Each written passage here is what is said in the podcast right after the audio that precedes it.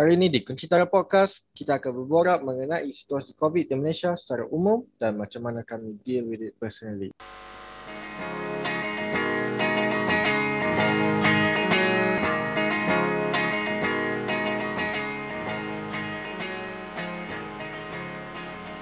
Assalamualaikum dan selamat uh, sejahtera.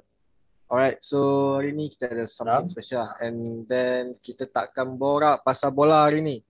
Sebab hmm. kita ada koyum dalam podcast hari ni. Alright, yo. Alright. Kai. Assalamualaikum, Kai. Faisal. Uh, ya, salam. So, koyum ni member aku dengan Faisal lah. Time college dulu. hmm. So, koyum ni bagi aku is uh, dia dia suka baca something yang fresh and new and then dia boleh offer something new perspective lah. And that's why aku rasa uh, kita apa ni aku dengan Faisal nak masukkan dia juga dalam podcast ni and kita buat satu uh, special untuk dia. Edition special untuk dia. Alright.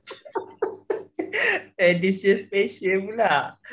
Serius ayo aku rasa everyone semua orang kena dengar punya otak lah. Punya eh, apa yang dalam kepala semua kena appreciate appreciate benda tu. Jarang-jarang Ya, macam aku cakap Yum, kalau projek tak baik aku tak ajak Yum. Ingat Yum, low risk high reward, low risk high reward. oh, yeah, yeah. Nice, nice, nice, nice. Okay, so uh, okay Yum, since uh, this episode is Hang punya edition kan, anak cakap pasal apa?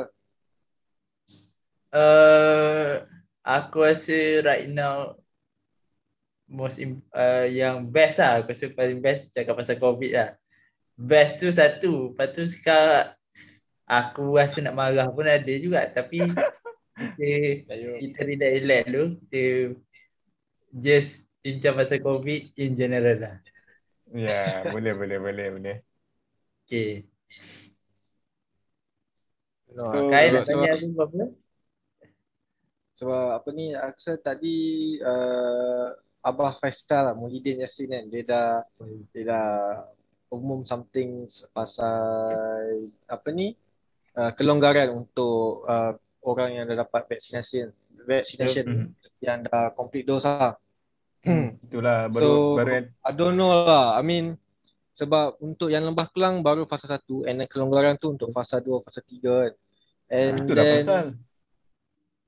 Tak tahu lah. Aku tadi, macam, aku macam tadi aku mula-mula dengar aku dengar khusyuk tau. Tapi macam panjang gila kan dia punya announcement tu kan. Aku macam muka limah dia panjang. Macam tak apalah layan layan layan layan. Lepas tu aku hmm. macam miss tau miss.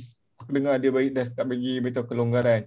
Lepas tu bila aku buka Twitter lepas tu aku tengok eh rupanya semua kelonggaran tu untuk fasa 2 bukan untuk fasa 1 aku macam oh okey tapi still lah ada, ada negeri yang dapat fasa 2 tu juga tak ada lah. Macam Ah, yelah, bagus lah, bagus lah at least kita moving moving forward lah kiranya kan. Tapi sebelum yeah, so, agak-agak ke, agak-agak kelonggaran ni too soon ke ataupun okay? Maksudnya the timing lah, the timing dia okay lah. Bagi aku lah, sebelum aku mean, kalau pergi kalau kita pergi kan, macam tengok tengok situasi dekat Malaysia kan. Uh-huh.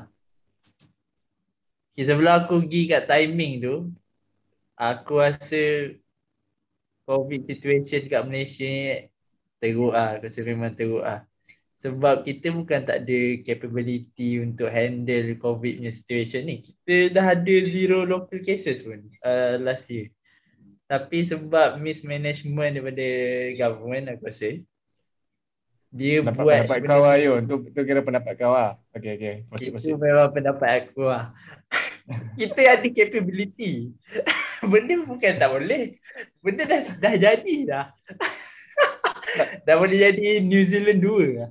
Eh tak, sebelum, sebelum ah okey okey. Bagus kau baru cakap sebab aku memang nak cucuk pasal New Zealand pun sebab aku baru buka aku came across dekat Twitter baru-baru ni Lokman eh Lokman tiba tu mention pula kan ada seorang member ada, ada seorang okay. member member kita yang sekarang ada dekat apa dekat New Zealand kan which is aku dah sebut Lokman aku baca dia macam dia gaya dia tweet macam dia kata sekarang even New Zealand tu dia ada apa zero cases kan and aku tak tahu sekarang ni dia orang still maintain ke macam mana kan Tapi and diorang pun memang dah macam normal lah. Tapi diorang uh, aku tak tahu sekarang to the point yang diorang uh, aku tak tahu diorang neglect uh, sebabkan diorang uh, zero cases, diorang neglect tau dia punya vaccination punya program. And bila vaccination punya program tu low, aku tak tahu macam mana dia boleh kaitkan, I mean dia boleh impact dekat ekonomi diorang yang menyebabkan sekarang unemployment diorang tengah uh, meningkat mendadak ah berdasarkan apa yang aku baca tu ah. So uh, adakah impact-impact macam ni pun kalau aku tak tahulah kalau Malaysia nak try nak jadi macam the second New Zealand ke apa kan tapi kesan dia macam aku pun tak tahu macam mana kita actually nak camp nak keluar daripada pandemik ni sebenarnya. Kau rasa macam mana? Ada macam Kalau ada sinar. ada sinar, sinar tu ada tapi apa yang boleh buat sekarang ni sebab kita dah into apa situation yang sangat teruk. Aku rasa yang tinggal adalah vaccination lah. Kalau dia refuse juga untuk buat lockdown untuk uh, cluster yang yang penyebab kluster-kluster baru ni, kalau dia tak nak tutup, yang tinggalnya vaccination lah. Memang vaccination Malaysia agak tinggi, tapi aku rasa itu pun masih lagi problematik lah untuk for the long run. Aku rasa, aku rasa uh, macam vaccination tu memang kita give a plug lah untuk uh, kejayaan sekarang kan. Macam tengah ramp, orang cakap tengah ramp up kan, tengah laju lah 500 kan. Tapi aku rasa yang orang pertikaikan, yang orang pertikaikan, kenapa macam lambat lah dia nak ramp up dan memanglah dia apa uh, sebelum ni apa keluar isu yang kata uh, kita ada masalah pembekalan vaksin semua tu kan. Dan benda tu boleh argue lah. Kita pun dekat bawah kita pun tak tahulah betul. Uh, aku bukan nak, nak kata benda ni betul ke tak kan tapi harapnya uh, yeah. sebab se- sebab punca dia vaccination kita waktu awal-awal dulu slow sebab itulah aku rasa orang bising dan sekarang ni bila dah kes tinggi macam ni uh, mak- maksudnya aku tak tahu lah orang cuba nak tutup uh, apa nak tutup uh, sebab kita teruk sebenarnya kes kita hmm. tinggi gila kan tapi orang macam nak hide kata walaupun kes kita tinggi kita ada banyak low apa rate tinggi uh, vaccination rate kita tinggi dan dia cakap sebenarnya yang kes banyak tu uh, 90% almost 90 uh, 90 to 98% tu semua adalah kategori 1 dengan 2 yang bukan kritikal lah. Betul tu. Betul Ha. Tapi kita aku rasa uh, government sekarang ni dia 100% uh, betting on vaccination tau. Sebab dia, dia firstly okay aku tahu dia ada Muhyiddin cakap dia ada pemulihan negara dia dah buat lah kan. Tapi aku rasa dia punya pemulihan is consist of uh, vaccination. Itu je. So dia memang betul. 100% betting on vaccination. tak Hopefully bila vaccination uh, kita dapat apa ni herd immunity, case akan turun, ekonomi akan naik. Itu je. Dia hmm. and dia tak ada plan B. Faham tak? Macam Faham, faham. Ha. Aku plan, faham. plan B tak tahu lah maybe something apa kan. Sebab uh, Tak ada. aku rasa apa ni back to the question aku rasa timing is not tak aku rasa timing tak okay lagi lah sebab herd immunity untuk sebab apa ni yang Muhyiddin cakap uh, fasa 2 je yang boleh gerak uh, Hmm. cross country kan even though uh, untuk untuk yang dah complete doses kan. Tapi masalahnya uh, yang apa negeri yang dalam phase 2 ni still tak capai herd immunity lagi. So yeah, even yang even yang dah kena vaksin dia still as uh, boleh kena covid juga. Sendiri lah. and sekarang ni covid pun ada macam-macam variant. So kalau ada makin banyak movement lagi high chance lah nak dapat covid kan. Ya tu. so aku timing tak kena at least tunggu lah bagi dapat herd immunity ke apa. And then baru allow. Cumanya sekarang ni bila dia tunggu uh, lagi lama uh, kita nak dapat freedom tu kan sebab Ya tu. Itulah pasal itulah pasal aku rasa dia dia dia pun kalau aku jadi Muhyiddin pun sebenarnya kalau aku memang kita macam kita yang bawa kita as rakyat memang kita banyak mengkritik lah sebab bukannya kerja kita untuk ni kan dan diorang pun maksud aku diorang dibayar dengan gaji diorang yang banyak tu untuk buat kerja diorang kan uh, tapi aku nak cakap kalau aku jadi Muhyiddin pun aku pening kepala macam mana nak buat sebab aku rasa rakyat memang macam dah apa dah sampai dah nak meletup dah kan. So idea kau bagi sekarang ataupun kau gamble lah uh, apa-apa keputusan yang kau buat kan. Aku rasa dia macam gamble lah kira sekarang ni sebab dia kata kalau nak tunggu lama lagi sampai bila pula kan. Sebab sebab tadi bila dia okay bila tadi lah baru aku betul-betul fikir kan. Bila dia orang cakap dia orang uh, nak start bagi kemudahan ni maknanya dia orang percaya kepada sains tau sebab dia kata dengan second dose tu uh, actually memang immunity badan kita dah apa dah dah terbina kan dah untuk against the virus kan.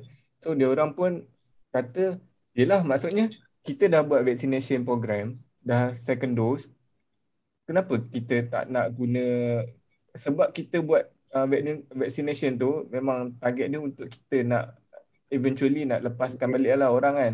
Cuma dia uh, macam Kai cakap uh, isu dia timing.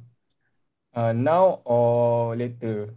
Tapi later tu sampai bila kan? Takkan lagi sebab tak tahu. Tapi sembang macam nak kata by end of this month nak achieve certain target. Lepas tu tengok-tengok awal tahun depan lah apa benda kan. Sampai bila lah yang tu je orang. Uh. Dia problem uh. dia yang macam Kai cakap tadi ya. Even negeri fasa 2 pun tak capai herd immunity. Kalau kau compare dengan UK yang the whole country dah ada dah capai herd immunity, tapi based on recent punya uh, new number of cases dia orang still tinggi itu problem dia sebab kalau dia allow benda tu aku rasa akan ada breakout new breakout ah kira macam phase apa uh, wave keempat ke macam tu yang akan buat benda lagi teruk lah sebab kita dealing bukan Uh, dengan delta yang lama tu uh, tapi dengan varian baru yang uh, double the R naught dia number of apa dia punya spread punya capability lah. Hmm. Great transmission dia lah kiranya. Uh-huh. Hmm, itulah. Tak, aku punya bet ah. Dua minggu lagi case naik ah. So maybe reach 25k ke apa. Aku tak tahu lah. Malah tu bodoh. GG doang Malaysia. Tapi uh, aku tak sure. Tapi kita memang aku dah aku memang dah macam orang kata dah apa pandemic fatigue kan. Dah tak ambil tahu sangat pasal apa pasal apa. Kira aku tahu dekat UK memang report makin lama makin naik kan cases kan. Tapi aku tak tahu pula pasal dia orang punya apa uh, kadar masuk yang permitted masuk hospital sebabkan memang uh, ya, tapi yang death rate dia memang low lah even oh. dia orang uh, tested positif tapi as long the positive cases tu kategori satu dengan kategori dua bagi aku tak ada masalah kan? Bila fikir belik ha. memang yang tu lah tujuan vaksinasi uh, vaksinasi kan? Macam eventually kita uh, uh, uh, eventually semua orang mungkin akan by the end of what time aku tak sure. Maybe in one day aku rasa maybe satu dunia dah dah kena vaksin eh dah kena vaksin dah kena covid. Dan waktu tu covid dah jadi apa? Dah jadi uh, normal, normal. normal flu uh, kira macam kau boleh ha. macam demam lah kau kena uh, ni tapi itulah kita sekarang just nak go going towards that lah uh, tu untuk jadikan macam uh, uh, covid-19 ni just like any other flu lah just that uh, aku tak tahu lah for me uh, Malaysia vaccination rate dia memang tinggi lah. I mean, steadily increase lah compared to uh, C countries uh, with the exception of uh, Singapore of course lah. Tapi cumanya uh, tu lah, aku tak rasa government dia ada dia prepare more than just vaccination. Mm-hmm. I don't think so lah. So with that in mind kan, so you uh, rasa Malaysia boleh tak recover? I mean, kita cakap pasal vaccination rate apa semua ni kan. So any any anything yang Malaysia boleh buat untuk get out from here ataupun that's it. boleh ke Malaysia recover lah tu. Speaking of recovery tu ada a few macam apa analyst lah sebenarnya daripada Reuters or BBC right? cakap Malaysia macam closing into becoming a failed state lah. Tapi ya, kalau aku sekarang memang lah macam tak rasa kan sebab ya. Uh, efek tu macam tak nampak lagi. Tapi uh, kalau ikut macam katanya bursa pun low, uh, six months low, aku rasa six months low. Lepas tu dia cakap FDI pun uh, dah keluar daripada Malaysia. Hari tu pun IBM punya HQ dekat Cyberjaya pun dah tutup. FDI ni apa? Foreign Direct Investment lah. Uh, kira macam investment daripada luar kepada Malaysia. Kalau banyak-banyak tu dah keluar, company-company besar dah keluar Malaysia, aku rasa tak tahu lah nak cakap.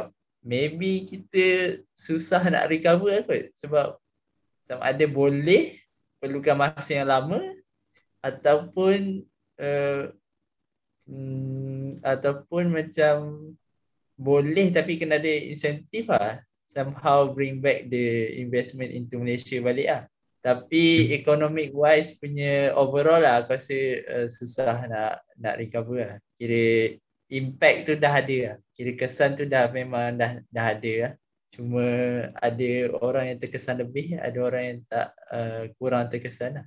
So basically we are doomed lah you.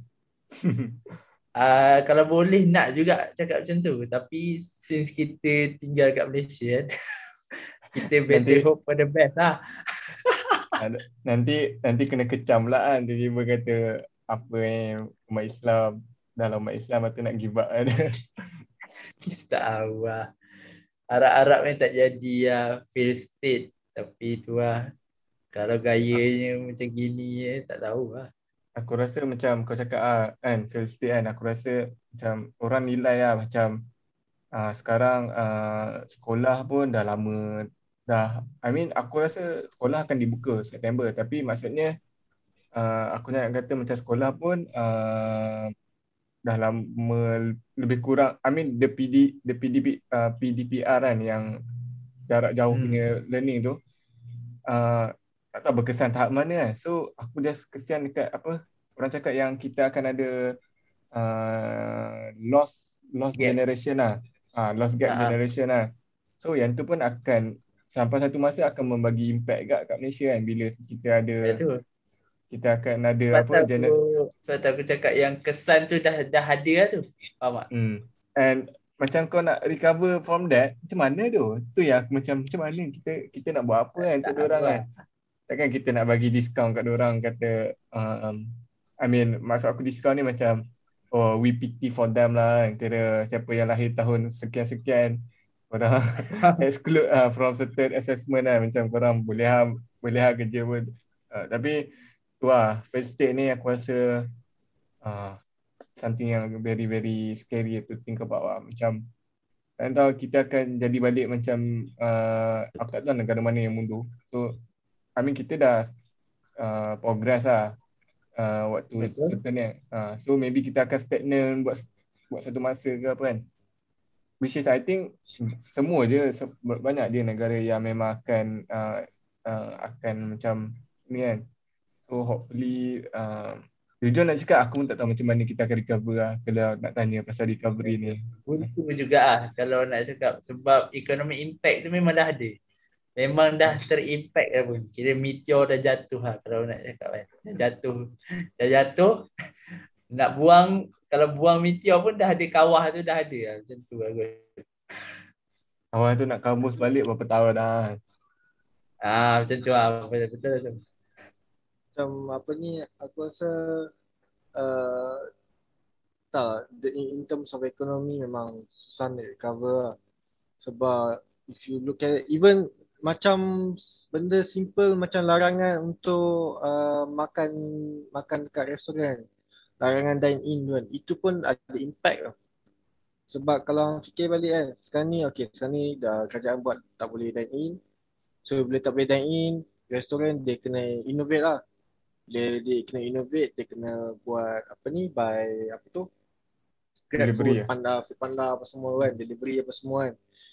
Cumanya beza antara delivery dengan dine in Cuba bayangkan kita makan kat mama kan, kita dine in kan, kita makan kat mama.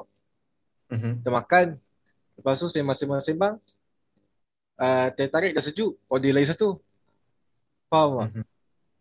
compare Punya- to compare to apa ni kita delivery kan. Delivery order makan satu, order yang satu. That's it. Kalau dine in kita macam tambah-tambah-tambah lagi. So macam uh, ada beza ekonomi lah. Even though even though government cakap okay uh, tak boleh dine in kena uh, pekerja kena innovate pakai delivery pakai apa ni panda uh, grab food apa semua kan. Cuma i, i, dia tak sama dia tak sama. Itu yang ba- bagi aku uh, covid sekarang ni even though kalau covid dah habis settle kita apa ni kena adapt dengan uh, ni lah ada term new normal tu merujuk benda-benda ni lah. Dia dah dia tak akan menjadi benda yang sama Dan nak Tahu order mamak pun dah ni lah, dah terlupa lah cara nak order kat mamak macam mana. Aduh. Macam Kai cakap tadi lah, kira macam benefit daripada dine-in tu ada lebih lah daripada pakai e-hailing punya services je. Lepas tu bila cakap pasal macam tu, uh, kita jo, maybe government expect sale tu, the, the number of sale from e-hailing tu still sama dengan dine-in. Padahal tak. Sebab the number orang yang guna e-hailing services time lockdown ni pun bila dia announce je lockdown tu number of Ramai. order tu pun sebenarnya drops ni. Yelah orang duduk rumah kan, masak pula. Ha, orang masak and of course lah dia orang masak untuk save money, uh, save duit. Uh, kalau order luar memang mahal lah. Double, triple daripada original punya price.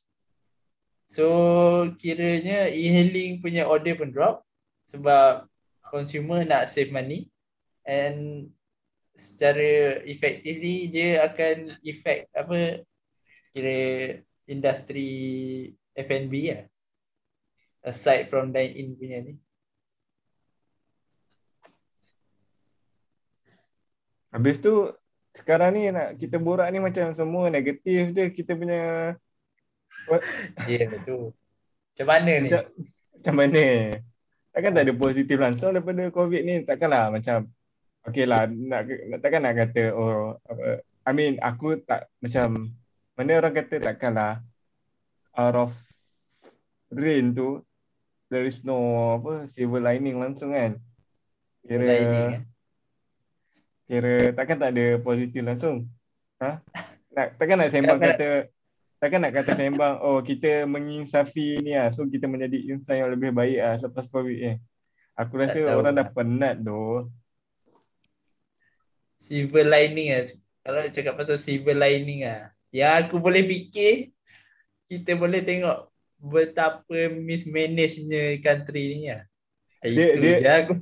Dia dia nak kata nak bukan nak kata apa uh, kita kita dah dapat apa uh, ni lah dapat kesedaran. So kesedaran tu kita kata sebagai satu kebaikan lah. Tapi kita Ah, dapat kesedaran tentang kita tahu tentang keburukan sesuatu macam tu lah. Macam kau cakap ah, kita tahu kita learn about mis uh, mismanagement uh, by our certain certain kan. Okay, aku tak nak ah Serta pihak okay. certain certain pihak kan. Dan Oh, tu lah. Lepas almost 2 tahun duduk isolated kan. Tahu lah. Uh, yang aku personally benefit lah. Aku start workout lah. Macam gaining new new positive habit lah. Kepada yang dapat new habit tu. Uh, bagus lah. oh Itu je. Cik. Satu benda lah kalau apa kalau nak kata pasal ni kan. Sebab itulah uh, sekarang ni I mean sebab itulah how this podcast was born lah. Sebab kan aku rasa aku dah aku dah aku dah aku dah dalam kepala otak aku ni aku rasa macam tak tahu maybe sebab lack of social interaction kot and aku rasa aku nak berborak bukanlah nak borak aku just rasa aku nak buat something yang uh, useful lah dan aku bila come out dengan idea buat podcast ni dia rasa macam I mean aku buat something good kot aku rasa so Sebab Rasa ko- betul. COVID ni macam stres kan. Benda yang stres lah. I mean uh, secara as a whole kan. So nak nak nak overcome that stress aku find new hobby and that hobby is now uh, making a podcast. Mungkin Mungkin Mungkin. podcast ni yang pot silver lining yang kau cari. Mana ada orang buat podcast as hobi tu? Bukan lah. Okay, boleh, boleh. So aku rasa we have a good time. Betul tak Faizal? Yeah.